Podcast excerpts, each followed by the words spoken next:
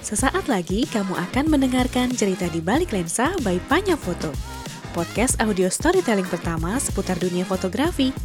Selamat mendengarkan ya.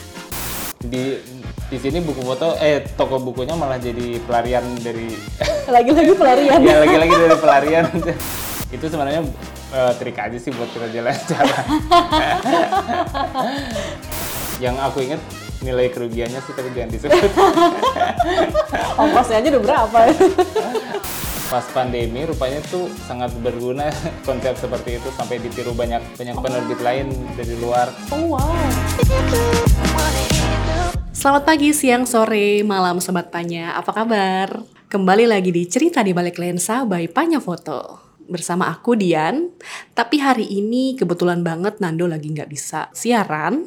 Jadinya aku akan sendirian nih ngobrol sama seorang pegiat fotografi atau lebih tepatnya pegiat buku foto. Nah mungkin Sobat Panya juga sudah hmm, nggak asing kali ya dengan uh, toko buku yang satu ini karena uh, cukup uh, masif gitu ya uh, promosinya di sosmed, di Instagram, di YouTube, kemudian juga ada websitenya. Nah, clue-nya berbasis di Bandung. Iya, bener banget. Unoptanium Store. Halo, Mas Adit, apa kabar? halo Dipanggil apa nih Kak, Mas, Kang? Mungkin karena Bandung. Adit aja Adit aja, oke. Oke, Kak Adit, eh, boleh cerita-cerita mungkin datang dari Bandung nih dalam eh, kesibukan apa nih? Kerja ya? Atau ada urusan lain yang berkaitan dengan fotografi mungkin? Mau ada pameran atau apa? Eh, enggak sih ketemu teman lama aja di Oh. di Panya. Mampir-mampir ke perpuspanya ya Iya. sekalian ya? Oke, Mas Adit ini sehari-hari ini kalau Sobat Panya belum tahu gitu ya, sehari-hari bekerja di mana sih dan apa nih kesibukannya? Eh, saya itu mengelola eh, toko buku. Toko bukunya khusus fotografi, namanya Anoptenium Store. Selain itu, saya lebih ke bapak rumah tangga sih. Bapak rumah tangga, wow, ini pasti kesetaraan gender nih di rumah nih ya. Berbagi peran itu baik ya. Oke, nah selain eh, sebelum ke Unop nih kita ngomongin Unop, eh, Unop Store yang di Bandung. Nah, eh, Mas Adit sendiri backgroundnya apa nih? Mungkin dari segi pekerjaan eh, sebelum eh, di Unop, eh, apakah seorang fotografer atau eh, apa periset foto atau apa nih? Apa jurnalis jangan-jangan sampai awalnya awal mulanya nih eh, Mas Adit bisa tertarik dengan fotografi. Jadi sebelum nih kita sebelum ngomongin Hmm. Unop ya. Eh, sebelum UNOP, saya tuh sekolahnya sekolah hukum Waduh. di Parayangan, jadi nggak ada hubungannya sama fotografi. Nah, fotografi itu lebih ke ke pelarian saya sih dari kerjaan sebagai junior lawyer di kantor hukum yang tiap hari harus lihat komputer. Jadi saya waktu itu tertarik sama fotografi karena ya itu pelarian sih, benar-benar pelarian. Nah, waktu itu saya kenal fotografi itu saat peralihan an- dari eh, fotografi analog ke fotografi digital. Jadi waktu itu kamera-kamera analog murah. Jadi saya belinya kamera analog. Abis itu kembali lagi kan sebelumnya saya lihat monitor terus. Wah nih ternyata fotografi aku jadi punya alasan untuk untuk jalan-jalan gitu, eh, motret-motret. Terus punya alasan untuk berkarya lewat nyetak foto.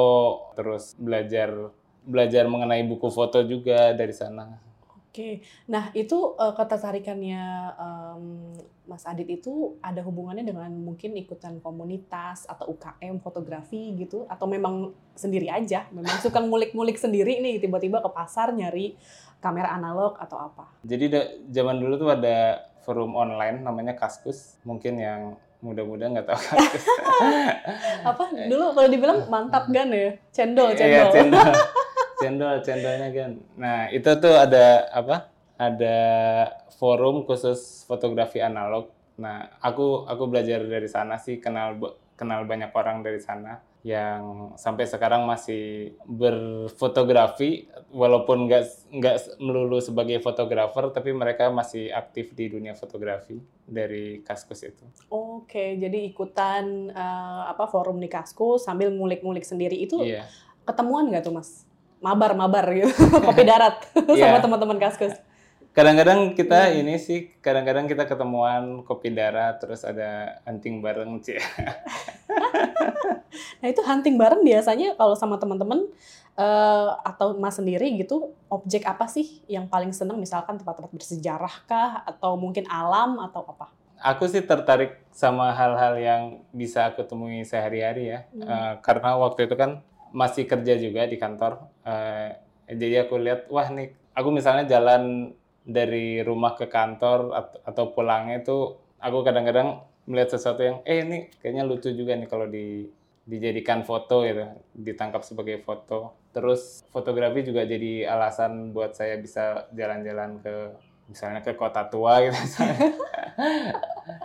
Soalnya nggak kebayang gitu kalau saya sendirian terus eh, tanpa fotografi niat jalan-jalan ke ke tempat-tempat kayak Monas ke kota tua gitu Eh, ya ya jadi fotografi jadi alasan saya untuk jalan-jalan Oke, berarti dari hal-hal sederhana kehidupan sehari-hari, dari berangkat kerja sampai pulang kerja gitu ya, nemuin apa di jalan, di busway gitu mungkin, atau di kereta gitu ya mas ya. Eh, itu bisa bisa kita eh, kategorikan sebagai street photography gitu nggak sih mas? Atau mungkin ada, ada kategori sendiri sih kalau kayak gitu? Eh, saya sih lebih senang menyebutnya sebagai street photography ya Oke, oke, oke, oke. Nah dari situ tuh eh, apa nih yang misalkan pengalaman lucu atau nggak terlupakan yang tiba-tiba Mas bisa tangkap di jalan orang lagi ngapain gitu tiba-tiba eh misalkan ada orang yang jatuh mungkin atau mungkin ada pedagang atau apa yang lagi eh, behind the scene-nya misal pengamen atau apa gitu mungkin hal-hal yang tidak terekspos sebelumnya tapi tiba-tiba difoto terus jadi kepikiran gitu. Oh ternyata kayak gitu ya. Gimana tuh mas? Kadang-kadang Yang- ini sih apa aku kan belajar dari berbagai foto juga yang aku lihat gitu misalnya di website atau di buku. Kadang-kadang tuh kita lihat lihat satu satu scene gitu. Eh ini ternyata bagus untuk difoto karena ada misalnya ada eh, garis-garis geometri yang mendukung atau atau momennya kelihatannya ini apa ini keren nih untuk difoto.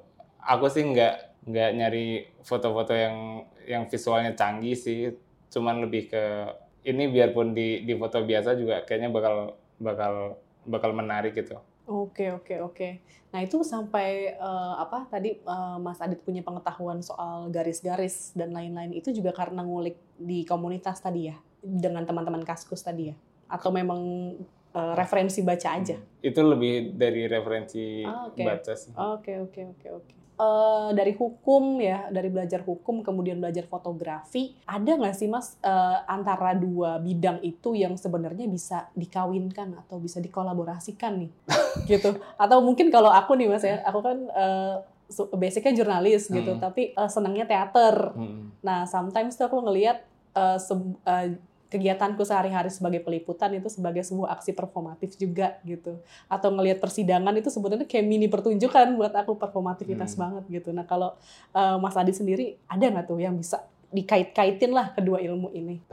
Kayaknya enggak sih. Karena apa ya? Kembali lagi si fotografi kan awalnya sebagai pelarian gitu. Mm-mm. Jadi aku kalau lagi motret nggak mikirin dokumen misalnya.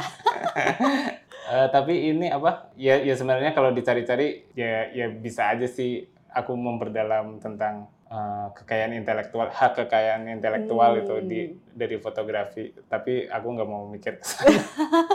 Malah nggak pelarian ya Iya. jadi. itu masih sorry masih di Bandung tuh ya Mas ya? Tahun berapa tuh eh, kalau boleh diceritakan? itu mungkin 2002, 2008 2009 eh 2007 2008 2009 itu tiga tahun itu terus saya tuh eh, ak- akhirnya saya keluar kan dari kantor itu Berapa lama tuh Mas? Sorry, masa kerja berapa lama? hmm, satu setengah tahun sih waktu itu Oke, cukup Hmm. singkat ya. ya cukup singkat nah. Oke. Eh, terus akhirnya saya keluar Eh, saya kerjanya kan di Jakarta kan waktu itu saya pulang ke Bandung pulang ke Bandung tuh saya bikin eh bukan bikin sih. Jadi sebelum saya kerja di kantor hukum pas kuliah juga kita eh, saya sama teman itu udah merintis bisnis eh, record label. Oh, record label terus eh, event organizer. Konser sih lebih ke konser. Itu juga sebenarnya nggak nggak berhubungan sih cuman cuman cara saya aja buat nyari uang. Oke. Jadi memang eh, apa ya? Kalau suasana di Bandung kan seninya hidup gitu ya, Mas ya. hidup kolektif gitu banyak banget teman-teman kreatif yang di sana kayak distro aja kan dari Bandung ya mas ya Hmm. jadi eh, eh, apa namanya jiwa-jiwa kolektif itu ide-ide kreatif itu yang sebenarnya dari kuliah tuh sudah ada sebenarnya ya sebelum unop itu ada justru Iya. oke oke oke nah setelah keluar tuh dari kantor hukum itu satu setengah tahun Hmm. eh, apa tuh yang mas Adit lakukan Yang aku lakukan itu waktu itu aku lebih banyak bikin konser, oke bikin konser Heeh. terus bikin apa ngerilis album album album orang lain sih. indie ya mas atau? Iya Oh, indie uh, fokusnya waktu itu ke punk rock sama ke metal. wow Nah terus fotografi masih jalan tapi lagi-lagi terpisah. Oke oke Heeh. Nah di situlah aku kenal sama Ferry rekan saya di Unobtainium. Eh, jadi kita berdua. Nah kita mulai bisnis-bisnis sih, bisnis-bisnis kecil-kecilan yang berhubungan dengan fotografi seperti jual beli roll film gitu-gitu. Ya ya dari sana sih persahabatan aku sama Ferry lebih ke sama-sama suka eh, fotografi, sama-sama suka buku foto, sama-sama suka dagang juga, suka dagang dua-duanya. Ya itulah aku nggak gabungin sih si an- antara si fotografi sama konser. Cuman pas orang tahu saya motret dan saya suka musik-musik keras itu, ada teman yang kerja di media online. Eh, udah nggak ada sih media online sekarang. Namanya Uncluster. Itu khusus media musik. oke Nah, jadi mereka tuh sering nyari, oh, karena medianya kecil, mereka tuh nyari orang yang bisa motret sama bisa nulis kan. oke Heeh. aku kadang-kadang dikirim buat konser-konser metal gitu sendirian. Jadi ya motret ya ya nulis artikelnya juga buat mereka. Oh oke ya ya jadi semi semi kontributor gitu Iya. ya mas ya.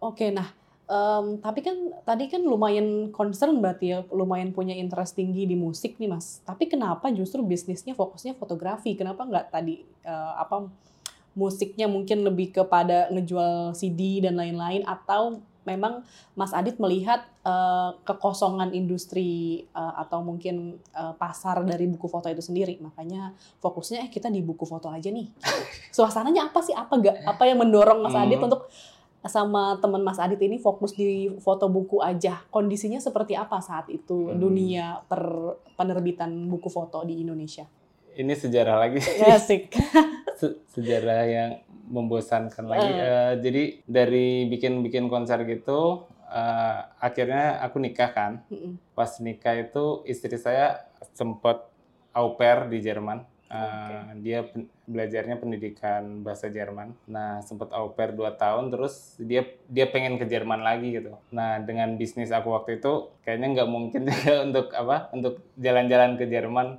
Akhirnya istriku tuh memutuskan untuk ah, aku nyari kerja ny- nyari kerja yang bisa ke Jerman itu adalah guru, jadi guru bahasa Jerman buat yang cocok sama pendidikan dan interestnya dia kan. Akhirnya dia ngelamar-ngelamar dapat di di Serpong tempat saya tinggal sekarang. Jadi otomatis aku harus pindah kan karena waktu itu anakku masih 8 bulan. Eh, aku pindah ninggalin bisnis yang di Bandung itu udah nggak ada hubungannya lagi sama sama musik karena aku jadi bapak rumah tangga itu kan istriku kerja. Nah, di awal-awal tuh aku mulai ah aku mau mau nulis review ah mengenai buku foto gitu. Nggak dipasang di media apa pun sih, tapi oh, cuman di blog pribadi doang. Ya kecintaanku sama buku foto kan ma- masih jalan. Kadang-kadang aku tuh beli buku foto dari Amazon atau dari toko buku lain, misalnya buku depository itu, eh, toko buku online juga. Nah, tapi eh, datangnya tuh dengan kondisi yang yang rusak gitu misalnya si packagingnya kurang kurang bagus kalau nggak judul-judul tertentu yang dari penerbit-penerbit kecil itu nggak ada di toko-toko buku kayak Amazon dan lain-lain nah dan aku juga nggak ada kerjaan kan selain memaksa diri untuk menulis buku foto itu Mm-mm. Nah, waktu itu posisinya Ferry juga lagi di Bekasi, dia usaha toko bahan bangunan. Jadi tokonya dia tuh di bawah tempat dia tinggal gitu. Jadi kita sama-sama terjebak di rumah. Aku tuh terjebak dengan dengan ngurus anak gitu kan, Mm-mm. yang anaknya yang belum bisa diajak ngobrol juga karena masih masih 8 bulan. Terus si Ferry juga dia terjebak bangun pagi langsung buka toko sampai malam terus langsung ngamar lagi gitu kan. Oh, Oke, Heeh. oke. Nah, terus aku lihat ibu-ibu rumah tangga di Serpong tuh ya kebetulan tetanggaku tuh pinter pinter nyari uang ya jadi dia dia mulai bikin bikin sampel-sampel kue-kue pastel gitu. Oh. Karena anaknya seumuran sama anakku jadi sering main kan terus di- dikasih sampel. Terus aku mikir wah kayaknya aku juga harus nyari sampingan deh ini buat apa? Buat mengisi waktuku gitu. Biar nggak cuman ngurus rumah doang gitu. Ya udahlah akhirnya eh, dari buku-buku foto yang aku beli aku coba jualin. Ini ada yang beli nggak ya? Ternyata ada kan. Itu via apa tuh mas? Via online. Oke, oke. Zaman dulu masih via sosial media, cuman via Facebook dan Facebook doang kayaknya waktu itu. Hmm. Nah terus eh kita coba deh jualan buku foto bisa nggak? Jadi kita ngambil dari toko buku luar waktu itu belum ke penerbit. Kita beli dari toko buku luar ditawarin di sini ternyata ada yang beli kan. Eh, itu 2015. Eh, ya udah kita ini aja apa? Kita bikin toko toko buku aja online Eh, namanya apa? Kan mikirin namanya susah. Terus kata si Ferry ini aja unobtainium. Aku pikir juga masih susah sih. Wah ini ini susah disebutin tapi yang opsi-opsi lainnya nggak ada yang bagus jadi. Nah itu tuh nama itu eh, munculnya tiba-tiba dari mana dan apa sih arti dari unobtainium itu? kalau unobtainium tuh istilah ini sih istilah istilah hobis. Hobis. Heeh, jadi eh, di kamera analog misalnya gitu bisa lain-lain juga sih misalnya sepeda tua atau lain-lain itu ada ada spare part misalnya yang susah untuk didapatkan lagi susah untuk diobtain gitu Oh Nah, oke. Jadi unobtainium tuh istilah istilah para hobis itu untuk sesuatu parts yang sulit untuk didapat lagi gitu. Oh oke Nah. oke oke. Jadi oase gitu ya untuk me, apa ya ibaratnya em, mencari atau mengorek hal yang baru gitu ya. Maksud sorry hal yang lama tapi kemudian dilanjutkan seperti itu nggak sih?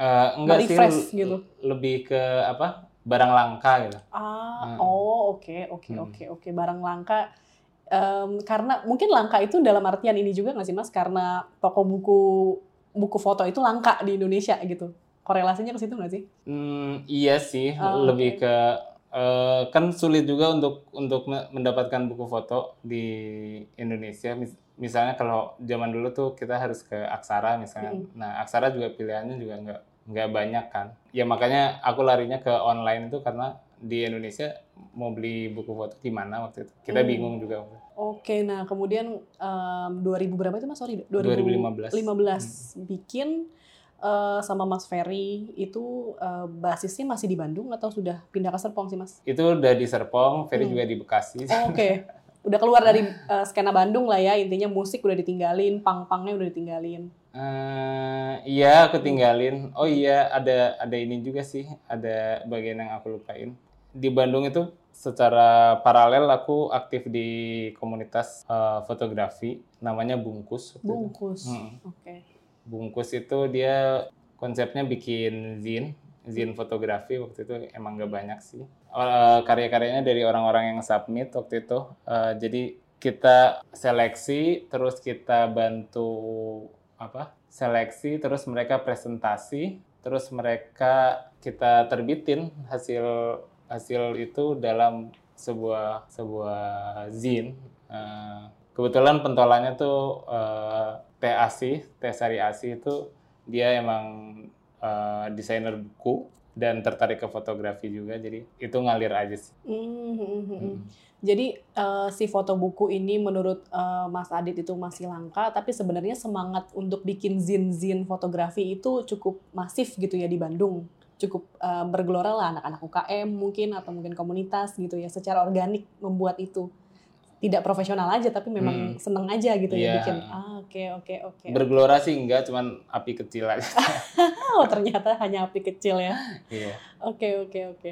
Nah kemudian tadi ngomongin yang di Serpong nih mas, mungkin lebih aku juga seneng nih eh, apa dengan tadi Mas Adit bilang bapak rumah tangga. Hmm. Nah itu sebagai bapak rumah tangga gitu ya, itu kan something yang di Indonesia tuh masih belum wajar tuh ya mas, Hmm. karena stereotipnya laki-laki itu bekerja dan lain-lain. Nah itu gimana tuh eh, apa Mas Adit bisa em, bangga gitu proud menjadi seorang bapak rumah tangga yang tetap bisa produktif, kemudian juga bisa berbagi peran dengan istri gitu, sambil tetap mengurus uh, buku fotonya Mas uh, Adit, toko buku fotonya Mas Adit? Ya, to, ya toko buku ini kan online ya, jadi sebenarnya aku sih nggak nggak nggak kesulitan untuk membagi waktu untuk kan. Utamanya emang ngurus keluarga sih, jadi baru pas apa di sini buku foto eh toko bukunya malah jadi pelarian dari lagi-lagi pelarian. Ya lagi-lagi dari pelarian. Nah itu ini sih apa kadang-kadang kita tuh bikin apa bikin acara. Misalnya pas 2016 tuh aku bilang tadi kan aku sama Ferry tuh apa di rumah terus gitu kan. Nah terus eh kita bikin acara yuk ke mana? Ke berbagai kota kita bikin pop up uh, bookstore sama ada pamerannya mungkin ada diskusinya itu sebenarnya uh, trik aja sih buat kita jalan-jalan.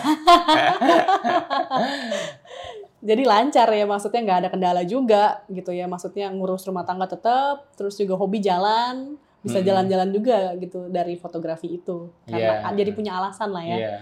Ya ya ya ya ya tapi maksudnya di Serpong tadi kan Mas Adi juga cerita ada ibu-ibu yang jualan makanan hmm. dan lain-lain itu berarti relasi Mas Adi dengan tetangga tuh ini banget dong ya lumayan akrab lah ya gitu sama-sama uh, apa kalau dia ibu rumah tangga, Mas Adit bapak rumah tangga, ya kolaboratif aja gitu. Jadi seneng berbagi ilmu gitu di rumah, di sekitar rumah, sorry. Uh, enggak sih, enggak. enggak.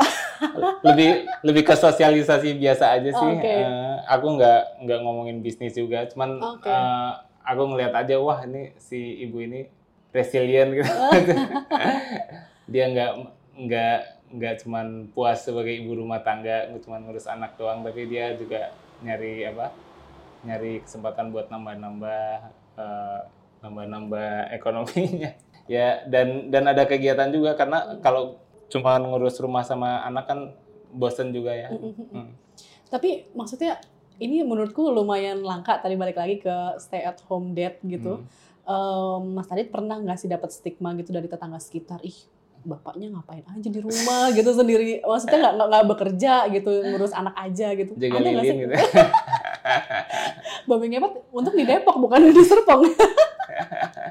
Itu gimana tuh mas? Pernah nggak ngalamin hal-hal kayak gitu nggak ada yang yang yang ini langsung sih. Oh, Oke, okay. tapi mungkin bisik-bisik kali ya. ya mungkin bisik-bisik ini ngapain sih si bapak ini di rumah terus. Okay, tapi ini sih apa? Hmm. Uh, ya aku sih menikmati aja sih hmm. uh, ya ya ya sadar juga sih waduh nih aku harusnya uh, sebagai sebagai kepala keluarga lebih lebih lebih mensupport secara ekonomi tapi ya ya pilihan yang aku ambil waktu itu ini sih mensupport uh, pilihan istriku waktu itu kan uh, pengen jadi guru di kota yang Serpong itu sama sekali baru buat kami waktu itu aku nggak punya teman sama sekali di Serpong dan dan yang bisa aku mulai ya kerja sama si Ferry itu dengan sama-sama cinta buku foto jadi. Oke, berarti uh, apa namanya Mas Adit uh, nyaman ya dengan dengan menjadi stay at home hmm. dad, kemudian juga punya kesibukan di malah makin bisa makin fokus sekali ya dengan uh, toko buku fotonya ya. Hmm. Oke, nah itu uh, luar biasa nih sobat Panya. Biasanya kan banyak yang malu, minder gitu ya. Tapi karena kalau berbagi perannya jalan gitu ya, masih dengan suami istri jalan itu justru malah menyenangkan ya. Tidak ada yang saling uh, apa namanya memberatkan gitu karena memang dari awal udah konsen dengan hmm. hal itu ya. Oke oke oke menarik itu fakta menarik tuh dari Mas Adit. Mungkin sobat Panya juga baru tahu ya. Nah, kalau kemudian um, berarti tadi hanya yang terlibat Mas Ferry dan Mas Adit. Hmm. Kemudian uh, 2015 itu selain dari Amazon dari mana lagi nih Mas? Mungkin uh, apa kalau aku buka marketplace-nya Unop itu kan banyak juga uh, buku foto fotografer lokal hmm. ya Mas. Itu gimana tuh berjejaringnya sampai eh nitip buku di gue aja nanti gue jualin atau gimana?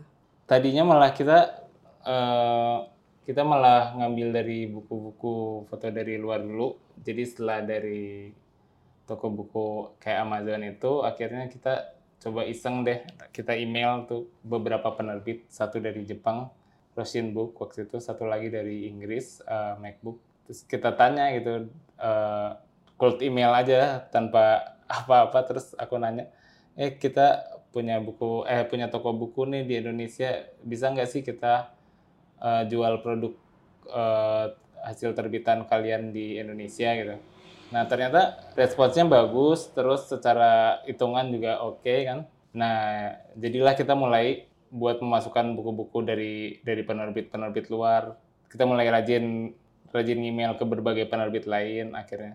Kalau buku Indonesia itu dulu aku lihat kendalanya buku Indonesia itu pemasarannya hanya via sosial media gitu kan, uh, Facebook. Jadi yang beli itu cuman teman-teman yang punya buku doang gitu. Awalnya sih aku nggak terlalu ngejar orang-orang itu untuk ini sih untuk apa? Untuk nitip jual di kami gitu. Tapi setelah berjalan beberapa bulan akhirnya mereka nanya, "Eh, bisa nggak ya aku nitipin uh, buku aku di di Unobtenium misalnya untuk dijual?" Oh iya udah bis, bisa uh, aku kasih aja ini apa term and conditionnya seperti apa. Nah, ternyata responsnya juga bagus gitu karena itu di luar lingkar sosial media mereka kan. Jadi banyak juga yang yang beli buku tuh yang nggak fotografernya kenal aku juga nggak kenal siapa bukunya laku-laku aja gitu ternyata di kami nah akhirnya makin banyak juga apa yang uh, penerbit buku foto dari Indonesia yang nitip-nitip nitip-nitip Nah, aku penasaran nih, Mas Adit. Tadi berarti um, setelah berhasil mengontak penerbit-penerbit dari luar negeri, kemudian mereka uh, apa nih maksudnya kan memang responnya positif. Kemudian memberikan bukunya berapa eksemplar langsung atau mungkin uh, by request aja gitu. Misalkan ada orderan uh, sekian buku judulnya ini baru dikasih atau gimana mas? Kita ini sih kita order secara spesifik. Misalnya misalnya wah ini buku buku A misalnya mungkin laku di Indonesia tapi buku B uh, mungkin kurang Nah, waktu kita ngemail juga kita nanya kita uh, minimal harus beli berapa nih? Kebetulan dua-duanya bilang, oh nggak ada minimal, mau mau satu juga bisa. Uh, nanti dapat potongan segini segini. Boleh juga ini uh, buat buat kita tes kan gitu. Jadi kita bisa masukin berbagai judul, uh, banyak judulnya tapi jumlahnya misalnya cuma satu gitu. Itu sih yang yang bikin kita apa? Bisa memperbanyak tokonya kelihatannya banyak itu produknya padahal cuma satu-satu. Oh, oke okay. ya ya ya ya ya. Kemudian kalau ada yang mau lebih ya nunggu dulu gitu ya sambil proses. Nah, ngomongin soal ini nih Mas, uh, distribusinya kan pasti perlu ongkir tuh. Kalau dari Inggris, dari Jepang itu gimana tuh menyiasati agar mungkin harganya juga tidak terlalu mahal untuk pembaca, pembeli, tapi juga eh, nggak uh, rugi nih Mas sebagai hmm. uh, apa namanya pemilik toko bukunya.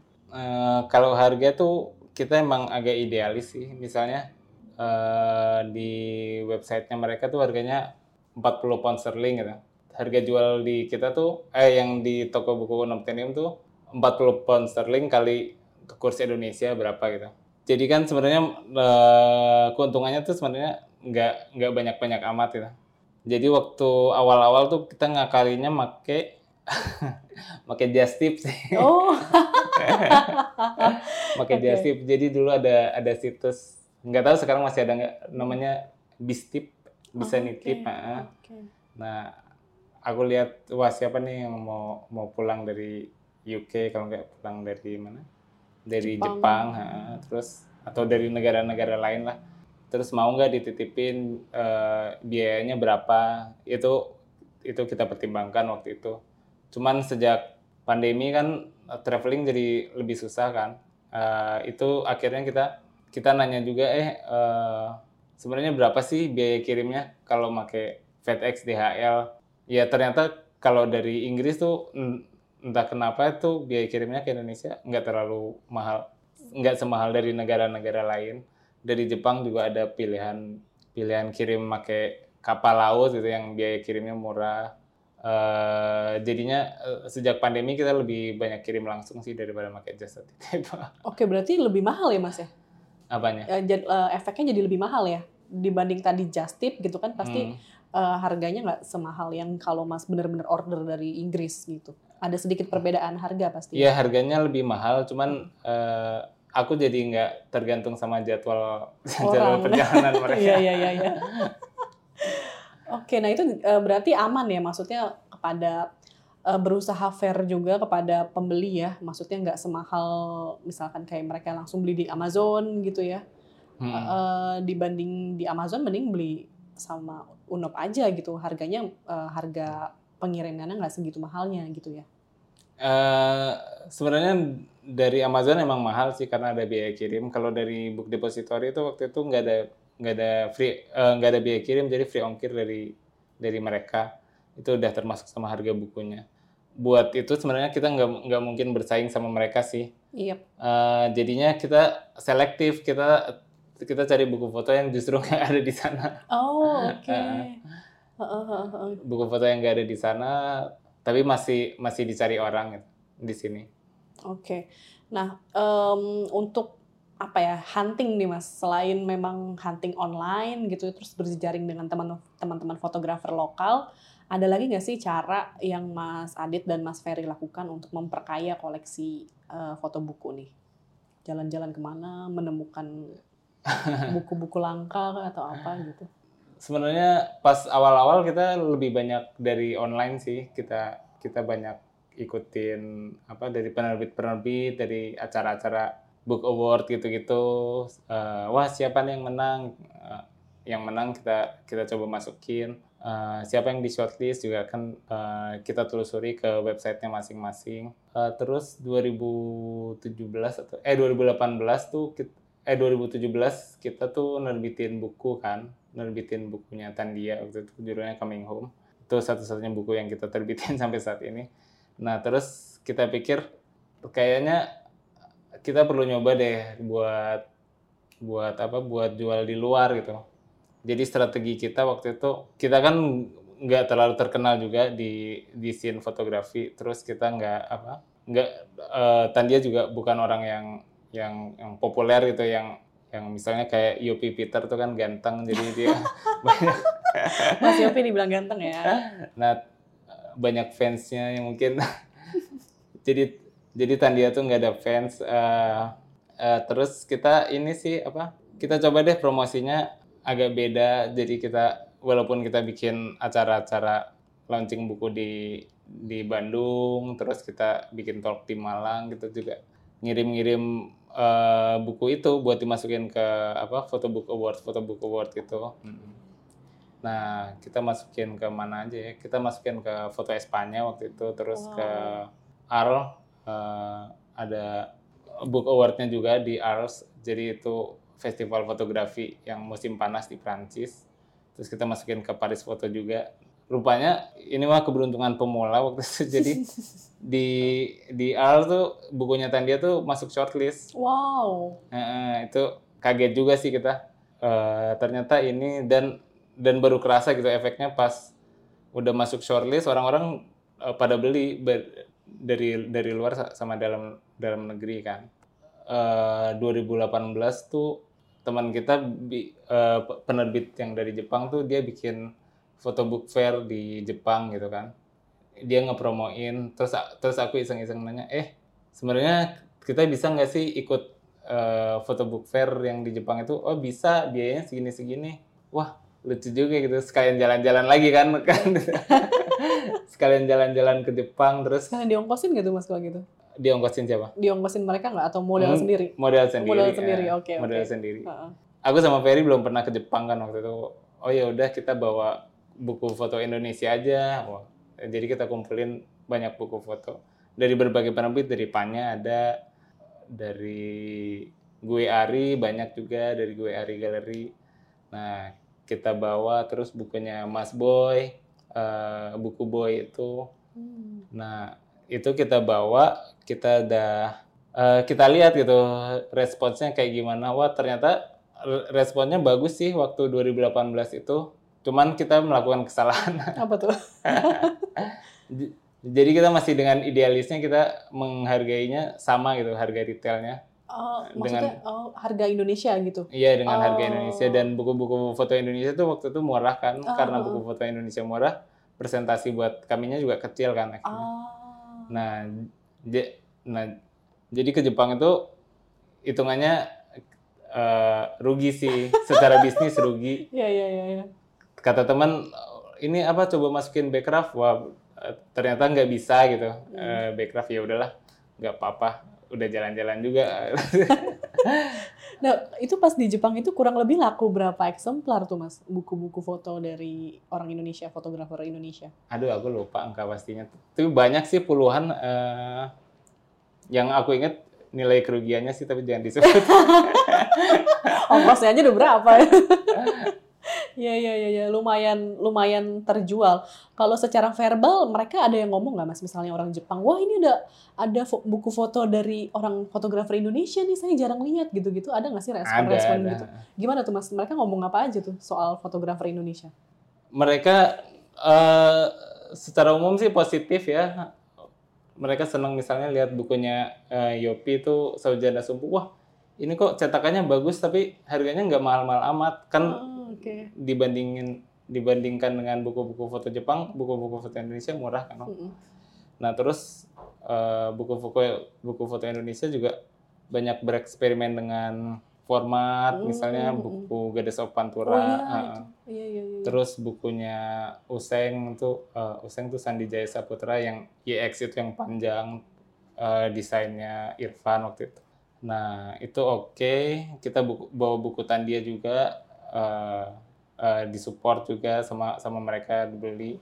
Kita kenalan sama eh kita ketemu langsung sama penerbit-penerbit yang sebelumnya hanya hanya ngomong via email itu. Jadi aku aku datang ke meja mereka, eh aku ini apa? Aku waktu itu mesen buku lo dari kalian. Oh iya, yang dari mana dari Indonesia? Oh iya, emang buat kalian di mana? Nah, nah terus mereka datang ngobrol-ngobrol, lihat-lihat kan itu responnya bagus. Jepang tuh emang banyak banyak yang punya sejarah sama Indonesia yep. ya. Uh, hmm. Jadi pas pas kita ngejaga tuh ada aja yang selamat siang, selamat pagi dan lain-lain gitu. Terus cerita, oh dulu aku tinggal di Pondok Indah, Pondok Wah. Indah tuh masih kayak hutan. Wah sekarang Pondok Indah tuh uh, kawasan elit gitu. Oh masa waktu dulu waktu dulu masih banyak nyamuk katanya. ya hal-hal seperti itu sih yang yang apa yang senang. Terus responnya juga dari artis-artis yang kita admire gitu. Hmm. misalnya dari uh, Koji Onaka. Onaka-san tuh jadi sering ngobrol karena karena bootnya deket kan hmm. ngobrol wah ini gimana kalian? Misalnya Daisuke Yokota itu juga uh, salah satu seniman eh, apa seniman fotografi Jepang yang aku admire gitu. Mereka beli banyak Terus Yumi Goto juga Yumi Goto. Uh, Yumi Goto tuh kayak menyelamatkan hari pertama kita jadi dia langsung beli banyak. Oh iya iya iya iya. iya. Di Jeep Fest pun dia ngeborong banyak banget yeah. loh Mas. Oke, berarti itu uh, apa ya misalnya ya memang lah mungkin uh, di awal strategi harganya Mas belum kepikiran hmm. untuk convert jadi harga yang lebih mahal, tapi uh, secara imaterial itu justru menguntungkan tadi aja jaring, yeah. kemudian uh, sampai hari ini uh, masih berkomunikasi dan uh, barter pengetahuan nggak sih mas sama mereka mereka itu? Lebih ya secara bisnis sih masih jalan sih. Hmm, uh, aku nyetok buku mereka gitu dan lain-lain. Hmm, nggak rugi-rugi banget lah ya sebenarnya.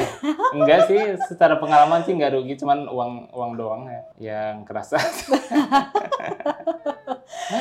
wow, ternyata ini ya maksudnya uh, apa ya?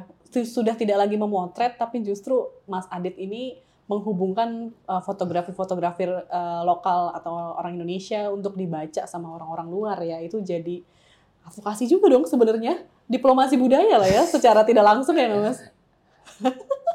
Memperkenalkan uh, fotografer Indonesia yang um, bukunya belum banyak gitu kan ibaratnya. Hmm. belum banyak belum uh, apa semasif di Jepang atau di Inggris. Sampai mereka bisa beli banyak dan kemungkinan besar kan juga kalau misalkan Yumi Goto gitu tertarik dengan uh, misalkan Mbak Arum Dayu hmm. gitu bisa menghubungi langsung kan yeah. Iya. uh, bisa itulah jadi relasinya jadi ini ya yeah. uh, iya. apa namanya berhubung berhubung hmm. saling terhubung gitu ya oke luar biasa kemudian uh, selain ke Jepang ke ada ke luar negeri lagi nggak mas atau belum uh, Singapura sih Singapura, Singapura lebih hmm. ke apa uh, Singapura International Photo Festival SIP, SIPF itu kita juga waktu itu ada kesempatan buat jualan kita coba ke sana. Ya lumayan sih. Secara ini mah apa secara dagang mah oke. Okay. cuman Singapura kan nggak nggak sekaya Jepang sih scene yep. fotografinya jadi lebih ke jualan. Jualan ini aja lah ya udah komersil aja lah ya. Maksud tapi tapi ke Singapura itu sudah belajar dari Jepang. Yeah. udah mengkonversi harga buku Iya. Oke, oke. Dan okay. dan kita nggak nggak cuma bawa buku Indonesia waktu ke Singapura sih, kita bawa buku dari penerbit lain juga yang yang nggak ada gitu di hmm. toko buku toko buku di Singapura. Jadi secara profit kan dia dia lebih besar kan, jadi menutup kos. Oke, oh, oke. Okay, okay. Nah kalau dari masyarakat Singapura sendiri apa nih mas uh, responsnya terhadap fotografer lokal kita yang punya buku foto. Tadi kan di Jepang excited banget Hmm. tuh. Nah kalau di Singapura bagaimana? Kalau di Singapura dan ke Indonesia kayaknya ini sih apa udah lebih dekat ya ininya apa eh, udah lebih saling mengetahui eh, Oke. dan sama-sama Asia Tenggara kan banyak banyak fotografer Asia Tenggara yang belajar di eh, workshop Angkor itu.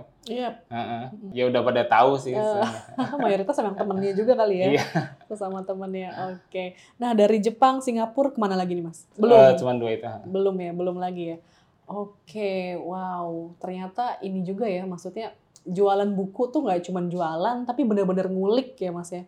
Ngulik dan berjejaring dengan eh, banyak publisher, fotografer, seniman gitu ya di berbagai negara Mm. eh, agar memperkaya ini ya eh, apa namanya judul-judul buku foto di Indonesia sendiri.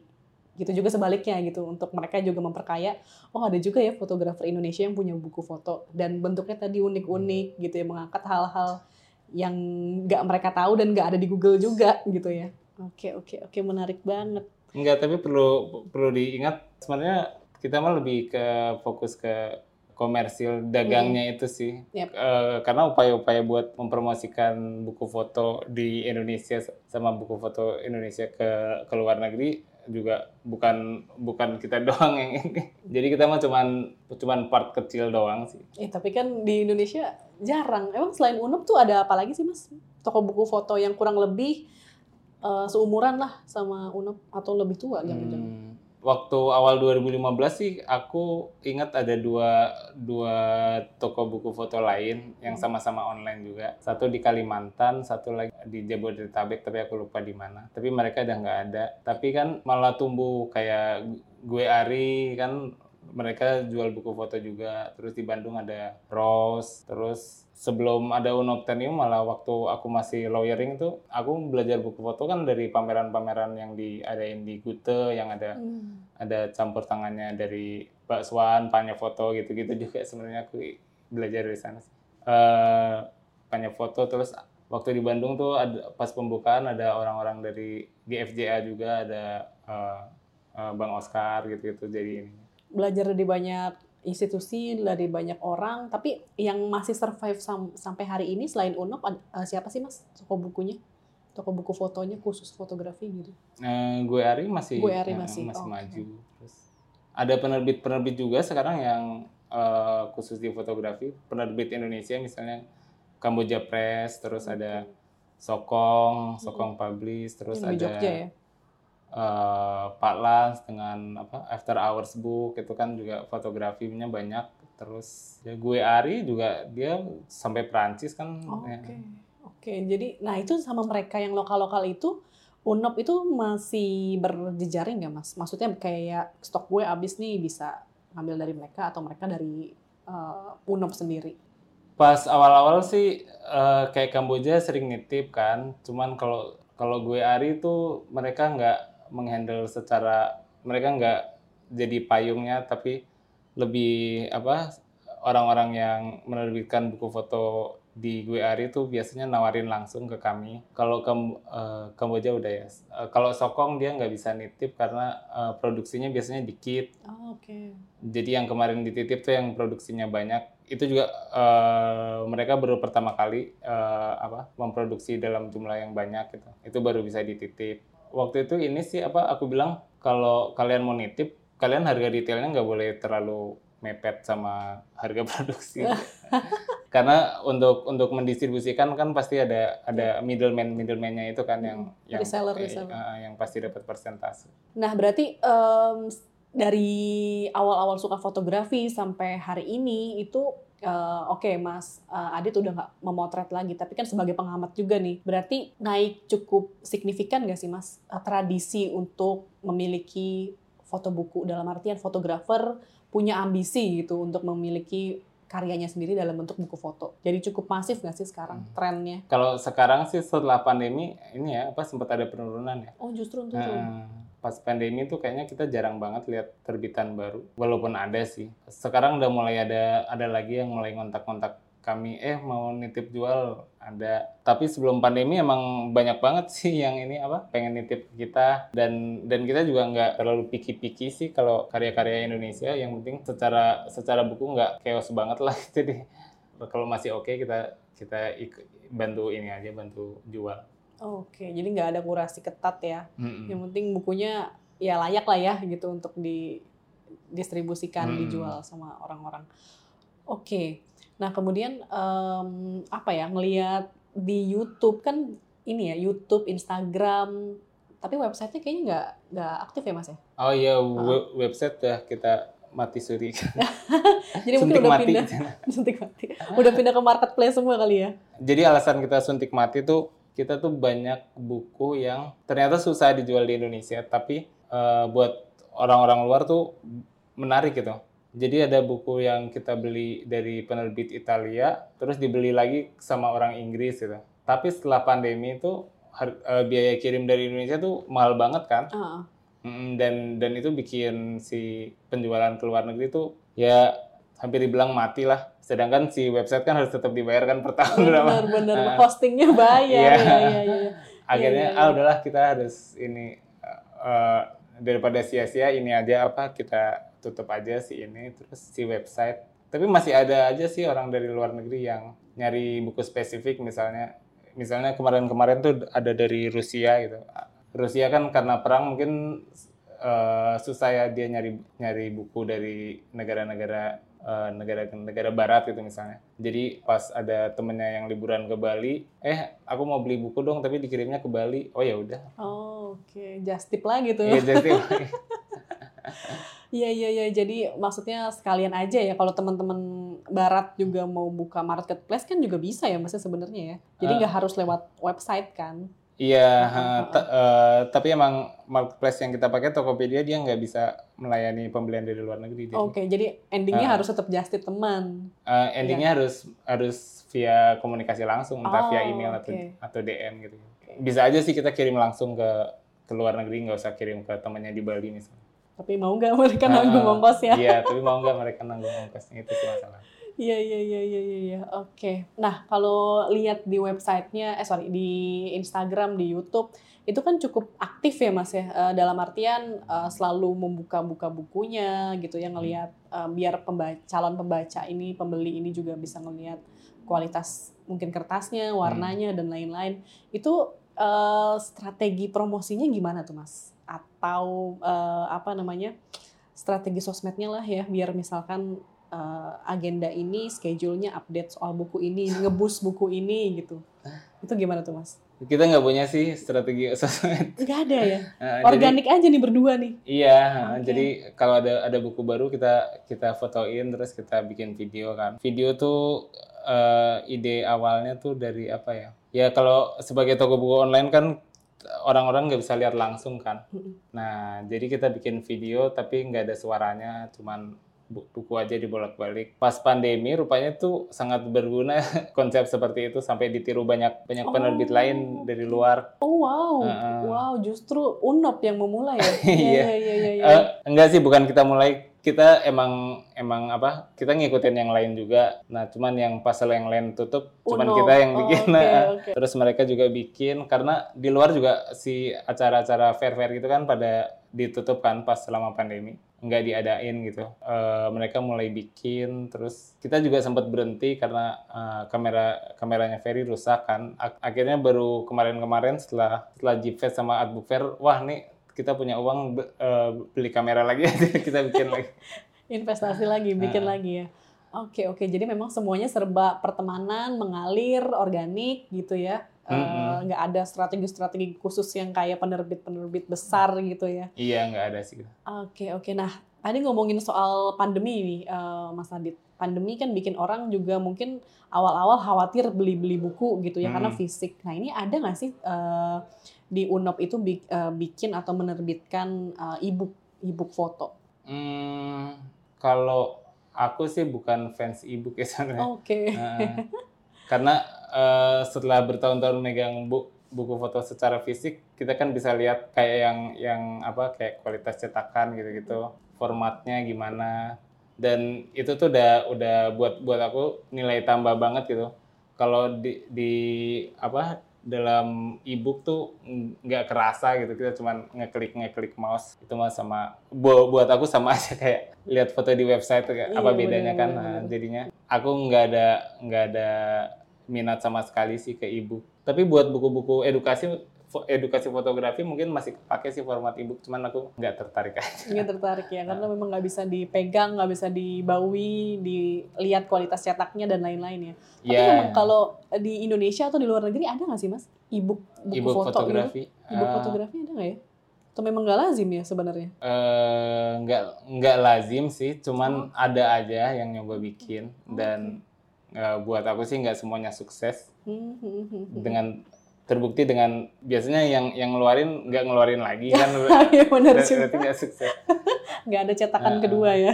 tapi ini sih apa eh, fenomena yang yang menarik tuh aku lihat banyak orang ngeluarin zin Hmm. dalam bentuk NFT kan Oh iya Iya. betul betul betul. NFT itu eh, dia bisa ngejual tapi formatnya digital. Itu menarik sih. Aku juga kadang-kadang aku suka ngumpulin karya-karya NFT karya-karya seni dalam dalam format NFT tapi walaupun aku nggak beli zin-zin itu aku lihat banyak yang itu yang eh, kalau aku sendiri sukanya yang apa sih? Yang memanfaatkan format digitalnya misalnya stop motion gitu-gitu Oh, kan. eh, oke. it- itu kan nggak mungkin dalam bentuk print Oke oke Hmm. oke. Jadi sebagai penggemar aja tapi nggak mau ya kalau ngelakuin itu di toko buku sendiri ya. Iya, belum Oke, aja oke. sih Belum Tapi- ya? tapi mungkin Mungkin ke depannya ya ya dalam bentuk lihat NFT mungkin. eh tadi We'll kan see, oh, we'll see. Ada satu tadi yang diterbitin satu-satunya dari Unop ya. Heeh, Eh, apa tadi Coming Home ya? kami Coming Home itu eh, akan membuka kesempatan lagi atau memang waktu itu karena tem- bantu temen aja menerbitkan atau gimana nih Mas? Kalau coming home bantu temen sih enggak sih. Kita motivasinya emang eh, aku sama Tandia, sama Ferry, sama beberapa orang lain yang di Bandung itu yang kenalan di Kaskus itu. Hmm. Mereka eh, eh kita bikin dark room bareng waktu itu di rumahku. Dari sana kita lihat kan, wah si Tandia nih fotonya mulai mulai keren-keren gini. Jadi Tandia tuh dia waktu itu ikut workshop Hmm. dan dan eh, dan hasilnya jadi bagus-bagus. Oh, oke. Eh, nah terus, nah jadi kan kita udah tahu kan, ini si ininya bagus, tapi wak- waktu 2016 jalan-jalan road trip itu juga kita ajak si Tandia, Tan kamu yang pameran aja sekalian mempresentasikan karya-karyanya kan. Nah itu jalan, terus ya udahlah kita berkomitmen untuk menerbitin si Coming Home itu akhirnya. Oke, oke memang potensial, bagus Iya gitu ya. potensial. ha. Dan temen juga gitu kan. Oke. ya teman bikin lebih gampang aja sih Mm-mm. kerjasamanya Bener bener bener bener. Oke, nextnya ada nggak nih rencana nih Unop untuk menerbitkan uh, buku lagi selain menjual? belum sih belum ada kalau jadi penerbit kan kita harus suka kan sama bukunya dan eh sama karyanya Eh, belum nemu aja kayaknya Belum nemu aja ya. Nah, memang karya apa sih yang uh, menurut Mas Adit tuh suka nih, kesukaan Mas Adit dan Mas Ferry? Apakah Mas Ferry dan Mas Adit ini punya selera yang sama atau jangan-jangan beda nih? Jadi punya preferensi masing-masing. Yang menurut gua buku ini bagus, tapi menurut Mas Adit buku ini justru nggak bagus. secara general sih kita sama-sama punya ide yang sama sih mengenai apa yang bagus di fotografi gitu. Jadi preferensi kita sama kurang lebih. Nah kalau buku-buku yang kita masukin itu juga kita eh, aku fokus ke yang nyari kan. Nah biasanya aku kabarin eh, very fair nih aku kirim linknya. Kamu suka nggak? Kalau suka mungkin kita stokkan gitu kan. Untuk ini apa? Untuk jenis fotonya buat buku-buku yang kita stok dari luar itu bisa macam-macam sih cuman kadang-kadang kita eh, buat nilai karya seni kan nggak bisa cuman dari itu kadang-kadang harus wah nih foto-fotonya powerful gini Hmm. eh, eh, powerful buat kita ya Eh, nah itu sih yang kita cari yang yang powerful itu. Nah tapi yang yang powerful buat orang lain kan belum tentu powerful buat buat kami kan.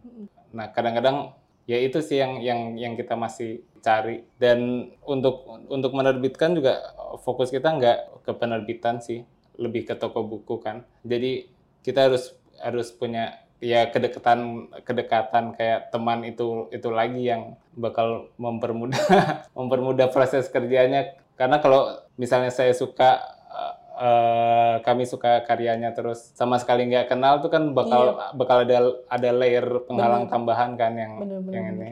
Nah, karena fokus kita di jualan buku itu jadi apa eh, penghalang yang lumayan kuat gitu. Ah udahlah nggak nggak kenal juga Iya. gitu. Ah. Bener-bener nggak ada rasanya Ah. gitu ya baik dari karyanya maupun kedekatan emosionalnya nggak ada gitu ya. Ya ya ya ya. Oke mas. Per- eh, dua pertanyaan terakhir sebenarnya. Nah eh, di YouTube kan juga ini ya aku ngelihat eh, Unop ini juga berjejaring dengan tadi yang disebutkan ya ada Kamboja dan lain-lain. Hmm. itu memang ada forum rutin ya. Apa di YouTube catching up Oh Nah, itu, iya. itu memang forum yang organik aja tuh memang memang ada seri diskusi khusus nih untuk ngomongin eh, perkembangan penerbitan buku fotografi di masing-masing negara Asia ASEAN gitu. Kamboja sama Thailand ya aku lihat kalau nggak Oh salah. iya. heeh. Mm-mm. Itu lebih ke ini sih mengisi waktu Oh, mengisi waktu di era pandemi itu yang apa? eh, yang ada apa perkembangan baru berupa Zoom itu kan uh-uh. Zoom kan baru booming di era pandemi terus kita bisa diskusi lama terus nge-record. Nah, aku tuh penasaran sama si YouTube kita, You- YouTube Unobtainium itu kan subscribernya banyak kan. yes, tiga ribuan ya empat ribu ya? Empat ribuan. Empat ribuan. Nah, terus nggak ada suaranya sama sekali gitu kan, cuman Iya. gitu-gitu doang. Kita mau eksperimen, eh, kita nggak bisa nge-monetize karena si apa si viewing time-nya tuh selalu kurang kan dari eh, benar. minimal kan 4000 Iya. Bisa nggak ya dengan dengan itu tuh eh, kita naikin ininya. Dan waktu itu juga banyak juga orang eh, apa pihak-pihak yang bikin talk sama fotografer misalnya. Um, Martin Parr Foundation mereka bikin sofa session gitu. Si, si Martin Parrnya sebagai uh, apa yang nanya-nanya ke fotografernya. Terus Magnum Photo juga ada ada sesi uh, talk-talk online-nya. Jadi sebenarnya latah sih. Nah, ya udahlah kita ajak ngobrol aja yang yang kenal-kenal aja gitu yang kenal-kenal tapi nggak mungkin eh apa bukan nggak mungkin jarang diangkat juga sama Mm-mm. orang lain ya udahlah kita ngobrol sama teman kita yang di Thailand kan eh, toko buku foto juga di Thailand terus ngobrol sama Mas Daud sama Mas Agam waktu itu mengenai karyanya Oke, jadi sebenarnya lebih, lebih kepada ini ya. eh, tapi berhasil nggak tuh? Enggak Eh, sih. tapi lumayan lah ya meningkatkan subscriber pasti kan meningkatkan viewing time sih dan viewing time Eh, juga. cuman subscriber sih kita nggak terlalu ngejar ya eh, tapi selalu ada aja gitu dari orang-orang butuh kali ya video-video bener, book bener. flip gitu. Bener bener bener. Oke, nah terakhir nih eh, Mas Adit dari hasil berjejaring dengan banyak eh, penerbit terus eh, toko buku gitu ya, pegiat toko buku foto gitu. Em, apa nih yang eh, Mas Adit lihat eh, di industri atau mungkin dunia fotografi Indonesia khususnya buku foto? Apakah sekarang sudah menjadi sebuah kewajaran bagi fotografer untuk memiliki eh, buku foto atau sebenarnya masih dalam proses nih fotografer itu menyadari pentingnya memiliki buku foto dan harapannya ke depan bagi uh, Unop gitu ya dan juga mungkin gitu uh, pelan-pelan bisa menjadikan uh, buku foto ini juga sebagai uh, objek ekonomi kreatif loh gitu seperti yang dilakukan Jipfest kan sebenarnya memajang untuk pertama kalinya tahun ini buku-buku foto itu sebagai ob- objek yang bisa dibeli dan juga kan um, ada ada uangnya gitu ya ada uangnya untuk Hmm. untuk profit teman-teman yang ber- bergiat di sana gimana tuh mas? Kalau saya sama sama Ferry sih nggak punya nggak punya gestur besar ke ke atau impian-impian besar kayak gitu sih Hmm. Eh, lebih ke ngalir aja. Oke. Cuman buat a- buat aku pribadi sih ngelihatnya buku foto tuh masih lebih ke apa niche di dalam niche gitu. Jadi fotografi itu udah niche kan. Yes. Terus di dalam fotografi buku foto itu juga masih niche gitu. Mm. Yang eh, nggak semua fotografer beli gitu Yep. Eh, atau punya buku foto daripada daripada stres mikirin daripada stres mikirin itu kita nggak punya rencana-rencana besar sih kita jalani aja yang ini tapi aku lihat orang-orang juga bukan eh, bukan orang-orang ya maksudnya pihak-pihak lain juga udah eh, pergerakannya lebih oke gitu daripada kita jadi ya udah dulu kan kita sangat ini sangat apa Idealis sangat berjuang sendiri. nggak juga sih ya. Maksudnya eh, punya inilah ya punya idealisme untuk menjadikan salah satu tempat yang menjual buku foto gitu. Jadi salah satu opsi lah ya untuk pencinta buku foto gitu. itu sih tetap ya Yap. Eh, cuman kita waktu itu pengen mempromosikan lebih lanjut gitu buku foto Indonesia misalnya ke ke negara-negara Iya, lain gitu. Nah, Cuman aku lihat kayak bukunya Fadli itu Banda, Banda Jurnal udah udah menang juga di Book Oke, Award kan. oke. Gue Ari udah udah ikut jualan di Arles. Nah jadi ya udahlah kita nggak usah ngoyo lagi Iya. ke arah sana. Kita punya punya jalan sendiri, nggak usah nggak usah terlalu memusingkan hal-hal yang udah udah terlalu sulit buat kita kerjain. Udah banyak temen yang ngelakuin itu Iya. ya. Iya, iya, iya, iya. Oke, jadi intinya apa ya kalau bisa disimpulkan ya Mas eh, Adit ini meskipun sekarang sudah tidak memotret lagi gitu ya, tapi eh, tetap menjadi orang yang eh, concern dengan dunia fotografi khusus khususnya buku foto. Dan eh, sampai hari ini masih established gitu ya, masih teman-teman juga eh, bisa akses langsung gitu di marketplace, di Instagram, di YouTube. Itu eh, menurutku sih sebagai orang awam gitu melihatnya sangat rapi dan sangat mudah untuk dijangkau seperti itu meskipun eh, buku-bukunya lumayan lumayan pricey harganya Iya. tapi itu worth it lah gitu dengan effort dari fotografer dan juga eh, apa penjualnya gitu eh, sorry toko-toko bukunya gitu untuk berusaha menerbitkan itu atau mempublikasikan buku-buku itu ke eh, teman-teman pecinta fotografi seperti itu harapannya tadi belum terjawab mas Harapan Tadi selain organik, ada dong pasti ke depannya mungkin satu dua langkah yang ingin lebih memperkuat jejaring kah atau mensupport fotografer kah atau gimana nih, Mas? Terakhir. Hmm, harapannya apa ya? Aku sendiri punya impian buat punya space fisik sih.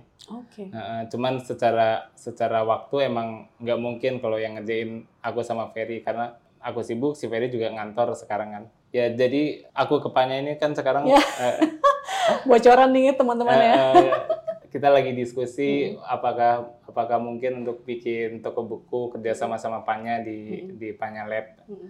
Nah itu itu mungkin bakal terrealisasi yang yang nggak lama dari sekarang. Jadi mungkin buat buat teman-teman nggak usah nungguin Un- Unobtainium ikut event book fair atau bazar lagi buat nge- ngeliat-ngeliat buku langsung. Mungkin bisa ke toko buku eh, yang ada di Panyalep ini nanti bisa lihat-lihat. Dan apa ya? Kalau dari scene buku foto Indonesia yang masih kurang mungkin tulisan-tulisan kritis mungkin itu Hmm, masih hmm. belum masih belum banyak mengenai buku foto Indonesia. Jadi eh, buat orang yang pengen mengetahui buku foto Indonesia tuh masih masih harus nyari sendiri gitu. Belum ada kayak ah ini baca satu buku ini aja nanti kamu bisa dapatlah garis besarnya. Itu bahkan buat garis besarnya juga pasti harus nyari sendiri. Petanya gitu ya belum Ah, ada ya. Iya, belum ada petanya. Oke, oke. Jadi dua harapan ya ke depan. Dan itu bocoran dari Mas Adit. eh, Sobat Panya nanti bakal eh, juga bisa melihat dan mengunjungi langsung nih ke kantornya Panya. Nanti eh, sebenarnya terbuka untuk umum sih, Mas apa library kita. Tapi Hmm. karena pandemi kan, jadi Hmm. close gitu. Bahkan kita semua remote gitu. Nanti tahun depan gitu ya. sebenarnya Desember pun sudah mulai ya Mas ya. Nanti Desember atau awal tahun Sobat Panya bisa main ke Panya Bekasi dan melihat langsung nih koleksi buku dari teman-teman UNOP. Dan gak harus ke Bandung dan gak harus mesen dulu. Bisa langsung melihat fisiknya dan membuka-buka nggak lagi nonton YouTube-nya aja gitu ya. Oke deh Mas Adit, thank you banget obrolannya. Banyak banget uh, insight uh, yang diberikan tadi uh, seputar uh, dunia buku foto yang masih sepi tapi udah mulai perlahan-lahan berus- beranjak ramai gitu ya seiring dengan berjalannya waktu.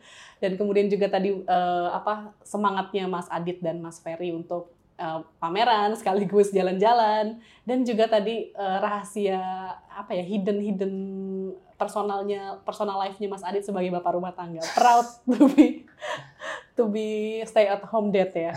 Oke deh thank you banget Mas Adit. Ya, sama-sama. Oke, tadi menarik banget pembicaraannya sama Mas Adi. Ternyata banyak banget fun fact-fun fact yang nggak kita tahu nih seputar dunia buku fotografi. Dan pastinya banyak hal menarik lagi yang bisa kita kulik dari narsum-narsum lainnya. Jadi tetap pantengin cerita dari Lensa by Panya Foto. Bye! Hai Sobat Panya, terima kasih sudah mendengarkan podcast cerita di balik lensa by Panya Foto. Nantikan terus episode selanjutnya mengudara setiap dua kali dalam sebulan di aplikasi Noise. tetap berkarya dan jangan lupa suarakan visualmu.